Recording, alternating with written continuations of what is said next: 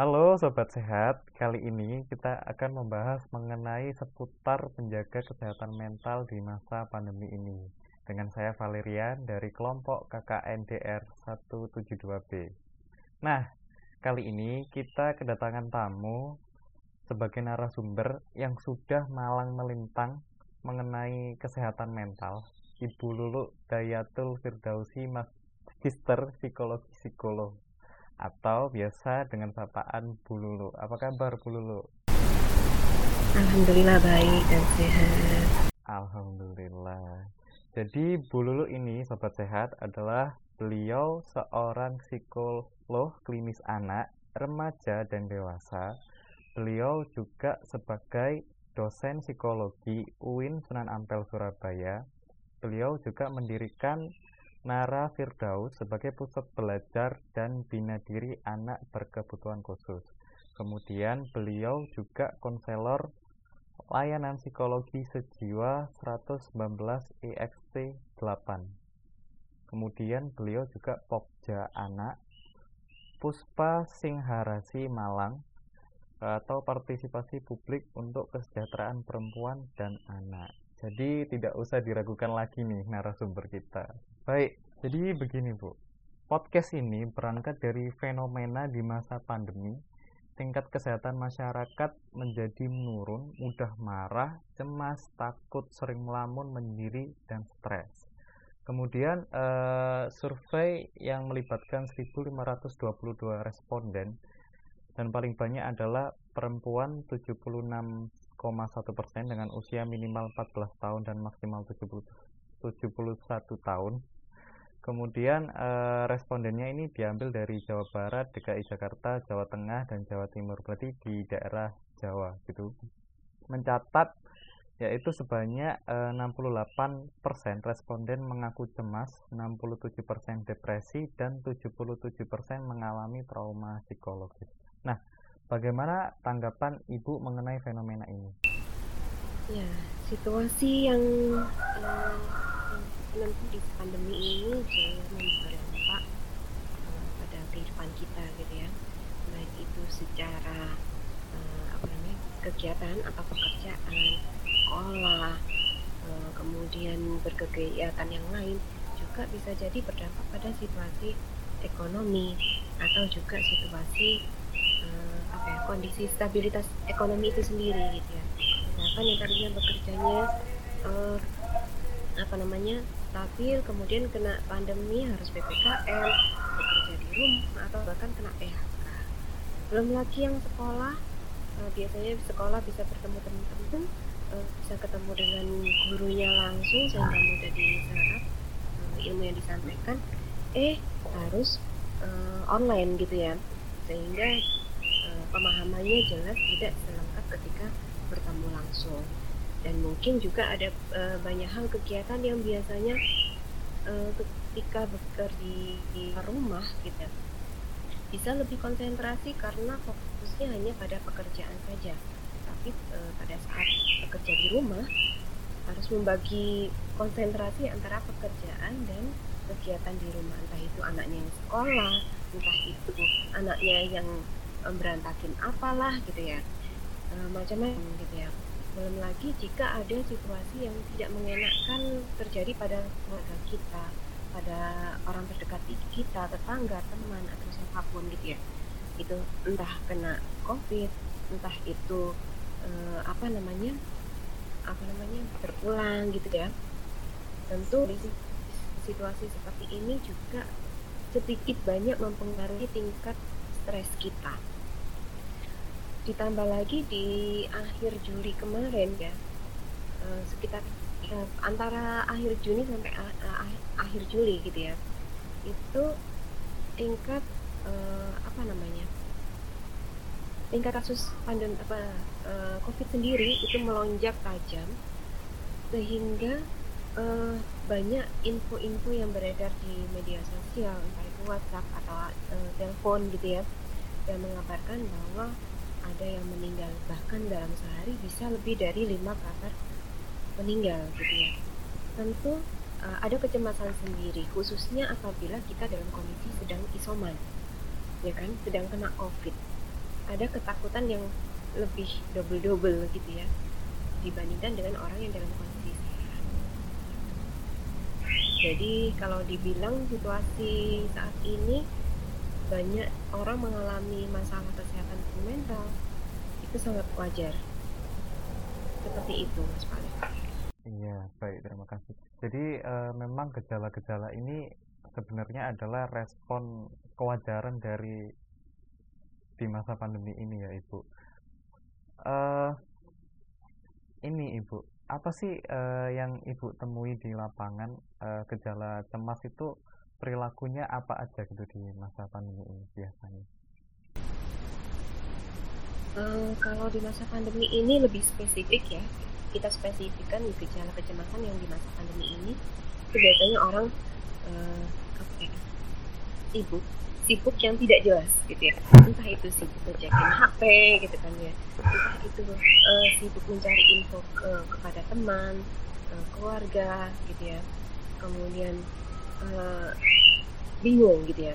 Ciri khas dari kecemasan yang paling khas adalah bingung. Namanya bingung itu nggak bisa konsentrasi. Mikirnya uh, untuk berpikir logis itu sulit gitu ya. Kalaupun bisa itu biasanya loadingnya lama gitu ya. Nah itu uh, salah satu gejala kecemasan yang uh, gejala kepanikan yang mudah kita kenali belum lagi nanti jika dilihat dari secara fisik orang apabila mengalami kecemasan itu biasanya uh, apa namanya bisa juga mengalami tubuh dingin gitu ya. Keringat dingin kemudian gemetar mungkin. Kalau orang panik itu biasanya bisa um, gangguan fisiknya bisa berupa pusing sakit perut ya. Nggak pernah punya asam lambung tiba-tiba nyeri banget gitu ya tidak ada masalah di kepala tiba-tiba seperti dicengkeram gitu ya. Kemudian uh, nyeri bahu nyeri sendi gitu ya. Kemudian iya masih banyak lagi gejala-gejala uh, yang lain. Tapi kalau untuk dispesifikkan pada situasi pandemi seperti ini, biasanya ketika ada or orang memberikan informasi gitu ya, entah itu informasinya sedikit ataupun banyak, ketika ada orang yang panik, dia cenderung kupuh, gitu ya, itu kupuh. Dia cenderung uh, informasi sedikit apa pun, kecil apa pun yang disampaikan oleh, oleh orang lain, buat dia adalah masalah yang sangat sehingga dia langsung uh, bingung gitu ya. Bingung dan benar-benar sulit untuk berpikir. Iya. Memang sih agak kupu seperti fenomena yang kemarin tentang susu beruang itu bu ya. Banyak yang tiba-tiba nyerbu. Sebenarnya selama uh, pandemi ini banyak ini ya banyak kasus yang unik-unik gitu ya. Susu beruang yang selama ini antang-antang saja hmm. tiba-tiba heboh gitu kan. Kemudian belum lagi di awal-awal pandemi dulu gitu ya oh ini mau mau lockdown. Waktu itu istilahnya lockdown ya. Hmm. mau lockdown orang berburu belanjaan di supermarket banyak yang kosong banyak yang uh, mah macam-macam lah gitu ya. Belum lagi nanti bagaimana pekerjaan jadi memikirkan sebenarnya belum tentu terjadi dan uh, apa ya cenderung ke arah bingung tidak solutif itu ciri khas orang panik. Gitu.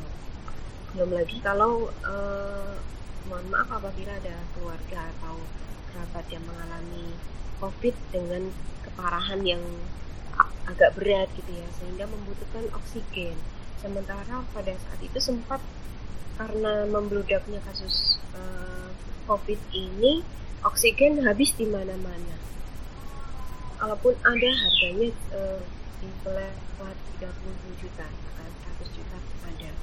Kemudian ada obat uh, obat-obat tertentu gitu yang katanya ini bisa menyembuhkan uh, COVID gitu ya. Sedangkan saat itu banyak permintaan sehingga harganya juga melambung luar biasa sampai puluhan juta gitu ya. Juga uh, salah satu bentuk kepanikan yang ditimbulkan oleh adanya pandemi seperti ini. Oke, baik. Uh, ada dari Ibu tips untuk bagaimana kita tetap sehat secara psikis di sini untuk menghadapi pandemi ini, Bu? Bagaimana? Ya, tentunya yang pertama itu cross check ya. Yang paling penting adalah cross check. Ada info sekecil apa pun, dicek kebenarannya, dicek keakuratannya, ya. Jangan sampai kita uh, sedikit kemudian uh, apa ya langsung terserang panik gitu kan ya. Itu juga uh, apa sih namanya gegabah gitu ya bahasa bahasa nor uh, ini itu gegabah ada informasi kemudian uh, bergegabah sehingga kita tidak mengambil tindakan yang tepat itu sehingga uh, apa sih yang diperlukan untuk menghadapi situasi seperti itu? Tenang. Kita perlu tenang untuk bisa memilah dan memilih apakah ini informasi yang tepat atau tidak kita harus kemudian cross check itu tadi ya kemudian uh, minta informasi kepada orang yang lebih kompeten. Banyak sekali orang-orang yang salah info. Info yang didapatkan itu keliru karena yang di, uh, sumber yang uh, dia dapatkan itu dari orang yang kurang kompeten. Nah, biasanya kalau orang yang kompeten itu sudah bumbunya sudah banyak gitu ya. Sudah berbumbu kepanikan, berbumbu kecemasan, berbumbu uh, mungkin juga ada unsur depresinya juga gitu ya. Nah, uh, wis uh, apa ya istilahnya bukan kepasrahan lagi, tetapi lebih ke arah tidak mau berusaha gitu ya, sudah nyerah gitu ya. Nah, kalau sudah ada bumbunya seperti itu, kemudian kita menerima mentah-mentah gitu ya informasi tersebut, jelas kita juga akan ketularan gitu ya. Jangan bisa jangan dikira hanya kau aja yang bisa menular kepanikan sebenarnya juga menular kecemasan sebenarnya juga menular secara kita sadari. Nah agar tidak mudah terselak, uh, tertular tentunya kita harus membentengi diri dengan sikap yang tenang. Gitu. iya Uh, jadi memang di masa pandemi ini tiba-tiba semua orang jadi dokter sih bu ya. jadi uh, banyak sumber-sumber referensi dari grup WA gitu kan. Itu mungkin bisa nanti dimasukin turnitin sih. Baik, uh, itu tadi sobat sehat uh, tentang bagaimana kita menjaga pandemi dan kemudian gejala-gejala kecemasan di masa pandemi itu bisa bermacam-macam tadi ada yang bisa sampai pusing, nyeri, bergetar begitu kan.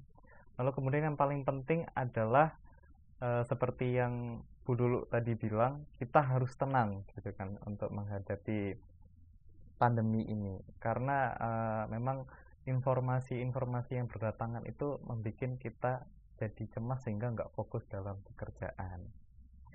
Begitu ya Bu Lulu ya? Iya, Kemudian uh, mungkin tambahan ya Mas ya.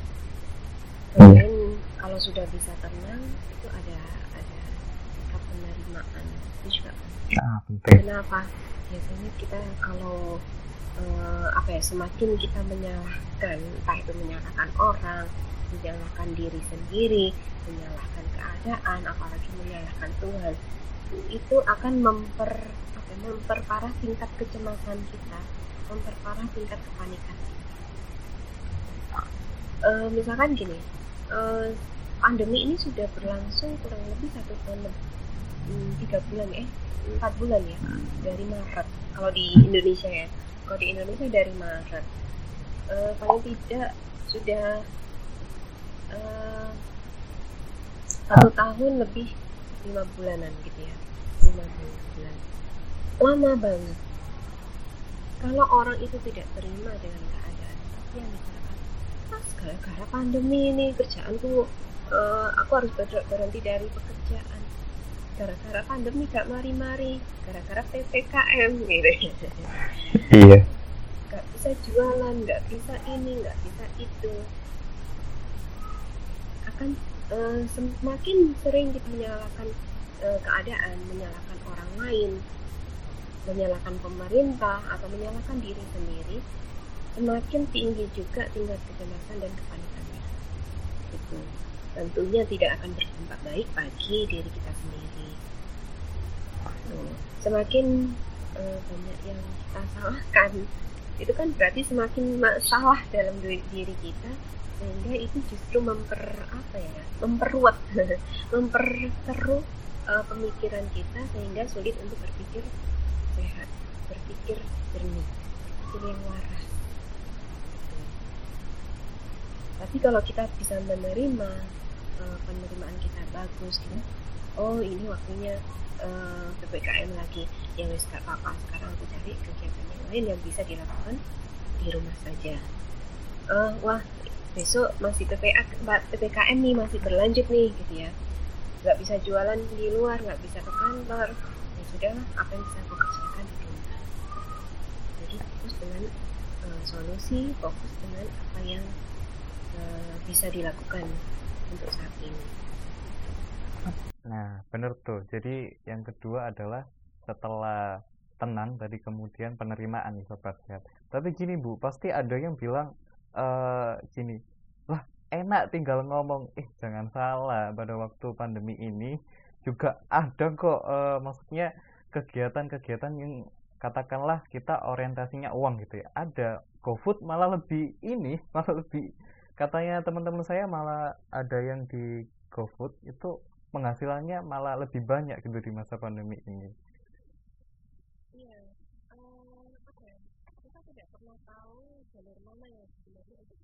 kan nah. entah itu rezeki entah itu, entah itu pekerjaan entah itu apa pun bahkan yang kemarin terjadi di teman saya dia uh, apa istilahnya diberhentikan dari pekerjaannya karena efek pandemi ya karena harus mengurangi karyawan sekian banyak dia kena tuh dan tidak mendapatkan pesangon iya, iya. kemudian uh, ya sempat bingung sempat bingung udah uh, nanti anak kita semangat apa sempat bingung seperti itu kemudian akhirnya dia ter, teringat dengan apa itu?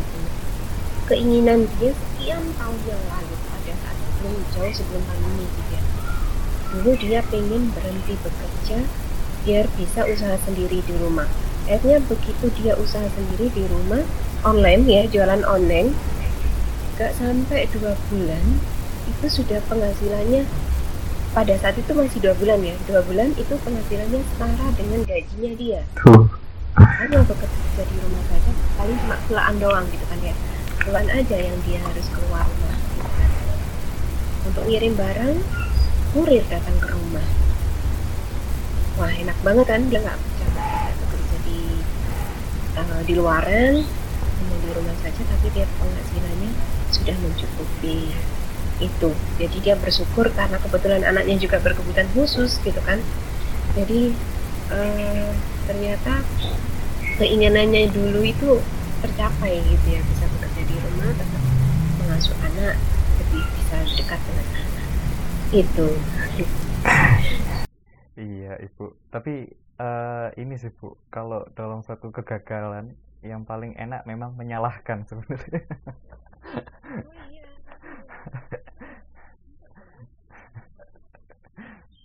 Kejahatan itu adalah sesuatu yang empuk banget menyalahkan orang, menyalahkan keadaan, ya kan, menyalahkan Tuhan gitu ya. Ngapain sih uh, Tuhan repot-repot bikin pandemi gitu ya? Nah, itu pasti ada hikmahnya ya, betul ya. Iya pasti, pasti. Semoga kita uh, tetap sehat, tetap dilancarkan rezekinya ya sobat sehat sama Bu Lulu juga. Amin. Amin amin. Itu tadi sobat sehat eh, perbincangan tentang kesehatan mental di masa pandemi. Jadi eh, mungkin orang-orang eh, mengira bahwa kesehatan fisik di masa sekarang itu lebih penting. Tapi eh, kesehatan mental itu juga penting untuk keseharian kita. Jadi itu tadi teman-teman. Sobat sehat semoga kita diberikan kesehatan terus Baik, terima kasih Bu Lulu sudah menghadiri podcast kita hari ini sebagai narasumber. Semoga Bu Lulu dilancarkan rezekinya. Iya, ini teman-teman uh, nanti uh, jangan lupa uh, Bu Lulu punya akun Instagram sama akun Nara Firdaus ya boleh disebutkan? Oh iya boleh. Uh, buat yang berkenan untuk follow aja bisa di follow Instagram saya LD Firda 1310 kalau yang untuk akunnya Nara juga bisa Nara underscore Firdaus. Nah di situ ada informasi-informasi yang menarik tentunya. Baik terima kasih. Jangan lupa follow IG dari kelompok kita eh, kami juga di KKNCR 172T oke sampai jumpa di lain waktu ya teman-teman sobat sehat. Ada terima kasih Bu Lulu. Terima kasih semuanya